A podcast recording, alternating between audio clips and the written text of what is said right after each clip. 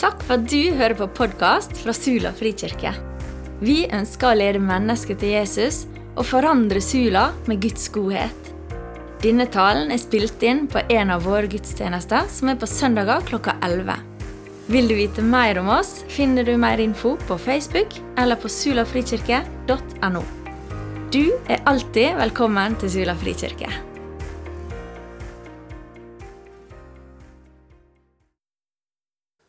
Jeg tror det blir bra vær i morgen. Og så tror jeg på Jesus. Er det den samme trua, egentlig? Hva er den kristne trua for noe? Vi skal få lov å dykke inn i romerbrevet, inn i kapittel 10 der, på leit etter svar. Vi kan kalle det back to basic svar, egentlig. Jeg har tatt med meg en mynt i dag. En stor en for anledninga. På den ene sida av en mynt så er det bilde av en konge, ei dronning, en president. Kanskje bare representert ved ei krone, kongekrone. Her er det selveste dronning Elisabeth som er representert, og landet er New Zealand. Eh, litt forenkla kanskje kan vi si at eh, det forteller noe om hva kongerike, eller land, som denne mynten har sin verdi ifra. Så kan vi eh, snu til den andre sida av mynten eh, og finne mynten sin verdi. Der er den prega inn. Her har vi da en god, gammel dollar, i mitt tilfelle. Uansett hva side oss holder fram av denne mynten, så er det bare én mynt. Og mynten består akkurat av disse to sidene. Ikke bare kronsida med kongekrona, og heller ikke bare verdien på den andre sida. Det er to sider som skal til for at denne mynten får sin verdi. Eh, slik er det også eh, med noe av det som vi leser i Romerbrevet 10 om tru. Der leser vi om trua i hjertet, og så leser vi om bekjennelsen fra munnen. Og så leser vi at de to til sammen fører til frelse. Vi skal komme litt tilbake til det, men først litt om romerbrevet og om Paulus som skriver. Eh, det er om lag 25 år etter at Jesus døde på korset. Paulus er på misjonsreise for tredje gang. Han har vært gjennom eh, store deler av Tyrkia på vei vestover, og nå er han i Korint i Hellas. Han skal tilbake igjen til Jerusalem, eh, og så skriver han brev der han sitter. Romerbrevet. Han har lenge ønska seg å dra lenger vestover, til Italia, til Roma til forsamlinga, den kristne forsamlinga i Roma. Og det er de han skriver til. Der var det mange jøder som var blitt frelst, og ut ifra det som Paulus skriver, så kan det se ut som det har vært en del forvirring, også knytta til det med tru. Derfor prøver Paulus bl.a. i kapittel 11, ja, egentlig 9, 10 og 11, og forklare hva rolle Israel og jødene har i Guds frelsesplan. Det skal oss eh, la ligge litt, men oss kan se, se at de sliter med å forstå sammenhengen mellom det Gud har gjort før, lova og alle buda som de hadde fått ifra Han, og det som Gud hadde gitt dem nå, evangeliet om Jesus Kristus som frelser. Her vil Paulus hjelpe dem og det han skriver i kapittel 10 i Romerbrevet, er veldig sentralt. Og så er det fantastisk rettleding også for oss i vår tid. Dette er ikke utdatert stoff. Dette er like mye til hjelp for meg og deg. Det er dagsaktuelt. Hva betyr det egentlig å tro på Jesus? Og hva følge har det for livet mitt om jeg skulle driste meg inn i akkurat det. Er det noe for meg? Er det noe for deg? Paulus forklarer dem først at trua i hjertet kommer av at en hører Guds ord. Så forklarer han deretter at trua i hjertet, sammen med en bekjennelse fra munnen, fører til frelse. Det var kortversjonen.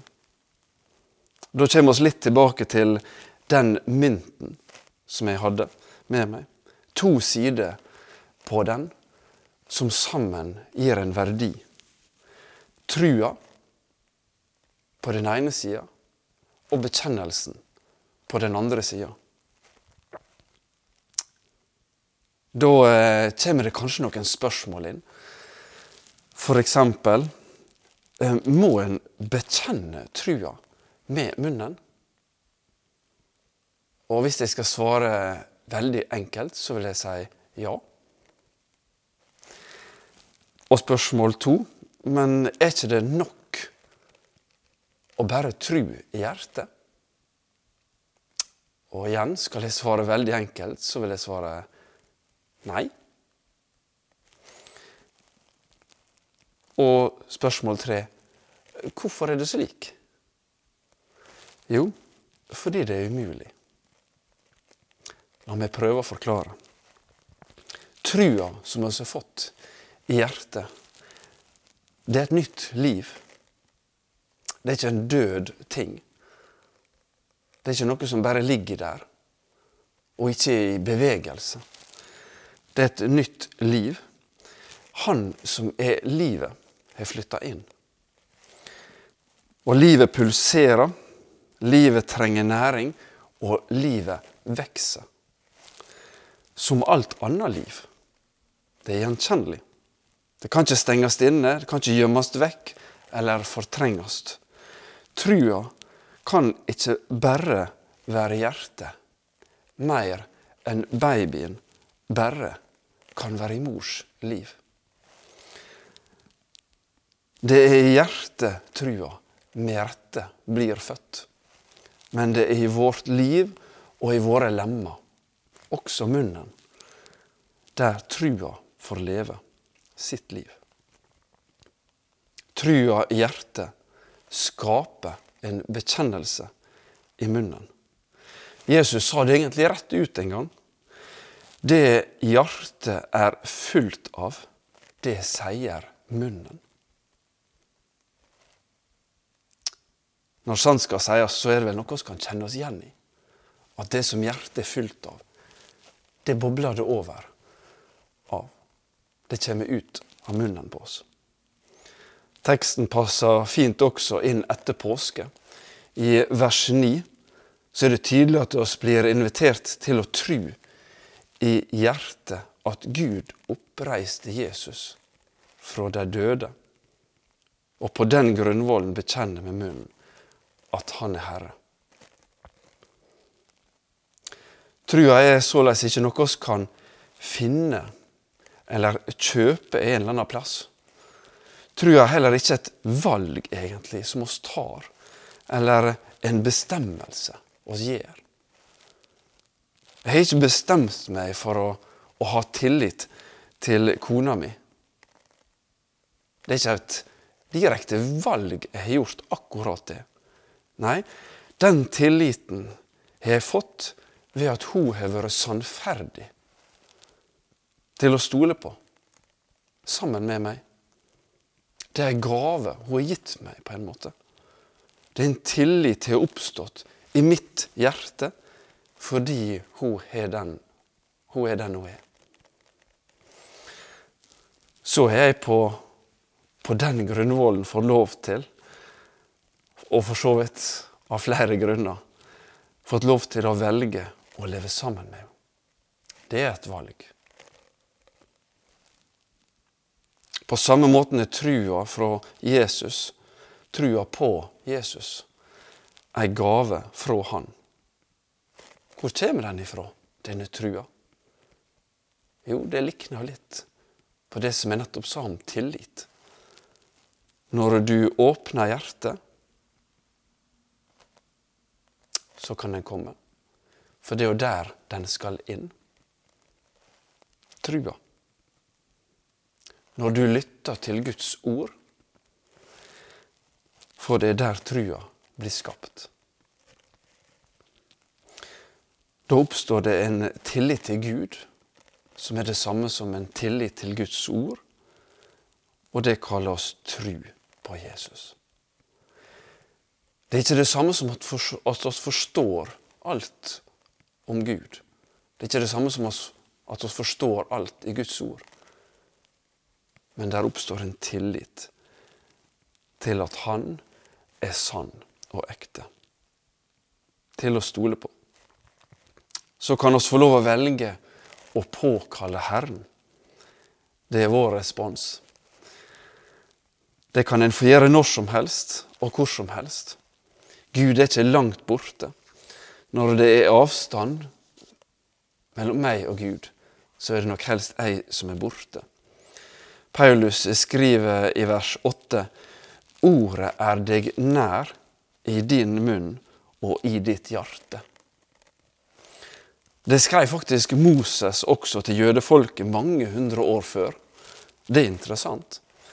Men det er jo fordi det alltid har vært slik at ordet har vært oss nær som mennesker til alle tider og for alle, helt fra skapinga av. At Gud ønsker å nå inn til oss, ha fellesskap med oss. Og at Gud utfordrer oss til å lytte til, til å ta imot Guds ord. Slik står det i verset 17 så kommer da trua av budskapen en høyrer, og budskapen kommer ved Kristi ord. Når Jesus kaller på disiplene, så brukte han av og til en kortversjon. Så sa han 'følg meg'. Hva betydde det for disiplene? Om de skulle respondere på det? og følge etter Jesus? Jo, jeg tror det lå, ligger mye av det samme i det. At de fikk eh, lytte til budskapen ifra han, det som han sa. Så trua kunne få slå rot i hjertet. At de åpna hjertet sitt for han. At de fikk tillit til han. At de slik fikk ei tru på han. Og at de ved å følge Han, også vedkjente seg den trua som de hadde fått i hjertet. Det fellesskapet de hadde fått med Han. Det blir en slags bekjennelse på den trua. Et par utfordringer til de som ikke er en kristen. I vers 10. Hør hva der står. Med hjertet tror vi, så vi blir rettferdige. Og med munnen bekjenner vi, så vi blir frelste. Så rett fram og enkelt er det skrevet. Følg meg, sa Jesus. Vil du svare på den utfordringa? Og til deg som tenker at du er en kristen, men som kjenner lite på at dette kristenlivet, denne trua i hjertet Du kjenner lite til at det er noe som munnen flyter over av. Det skal en få lov å ta på alvor for sin egen del. Kanskje kan en få lov å be som kong David gjorde i Salm 139. Ransak meg, Gud, og kjenn mitt hjerte. Prøv meg og kjenn mine tanker. Se om jeg følger avgudsveg og lei meg på den evige vegen. Det er å påkalle Herren, og det er det knytta store løfter til. Enda er det tid. Gud inviterer til fellesskap. Åpne hjertet, lytte til Guds ord og følge Han. Eh, Skal vi ta fram igjen mynten helt til slutt? Den er fin til å forklare en sak til. Jeg sa at kronsida forteller hva kongeriket mynten har sin verdi ifra, og myntsida den angir verdien. Slik kan også frelsas sammenlignes med en mynt. Den har en stor verdi. Mer enn en dollar. Trua på den ene sida, som en får i hjertet, har sin egentlige tilhørighet i Guds rike. Det er der du får ditt pass stempla, og da står det skrevet 'gjort rettferdig'. Skyldfri kan det bety. Uforskyldt, egentlig. Det har i kristen litteratur ofte fått navnet rettferdiggjørelse. Et litt tungt ord. Eh, men det beskriver vår stilling innenfor Gud. Det er akkurat som om du får inngangsbilletten til det evige livet. Så kan vi si litt til om den sida, trussida av mynten. For den er også umåtelig stor verdi, la oss kalle det bruksverdi, i vår hverdag, her oss lever. For oss sjøl og for våre medmennesker. Når en kristen får nåde til å leve ut kristenlivet, Gud til ære og mennesket til gagn, så er det en stor ting. Det er en viktig ting. Det kan oss eh, gi navnet helliggjørelse. Det og det beskriver på en måte livet vårt sammen med Gud. I denne sammenhengen så tar en på en måte billetten i bruk. Så snur oss mynten og finner bekjennelsen. Ja, den som det sto i Romerbrevet kapittel 10, fører til frelse. Og så er det verdien som blir henta ut av det. Det er himmelen som åpner seg over den som tar imot trua i sitt hjerte på en som døde og sto opp igjen for oss. Og deretter vedkjenne seg denne trua med munnen. Ja, da er det nydelig å få lov å åpne munnen og ta del i nettopp ei trosforkjenning.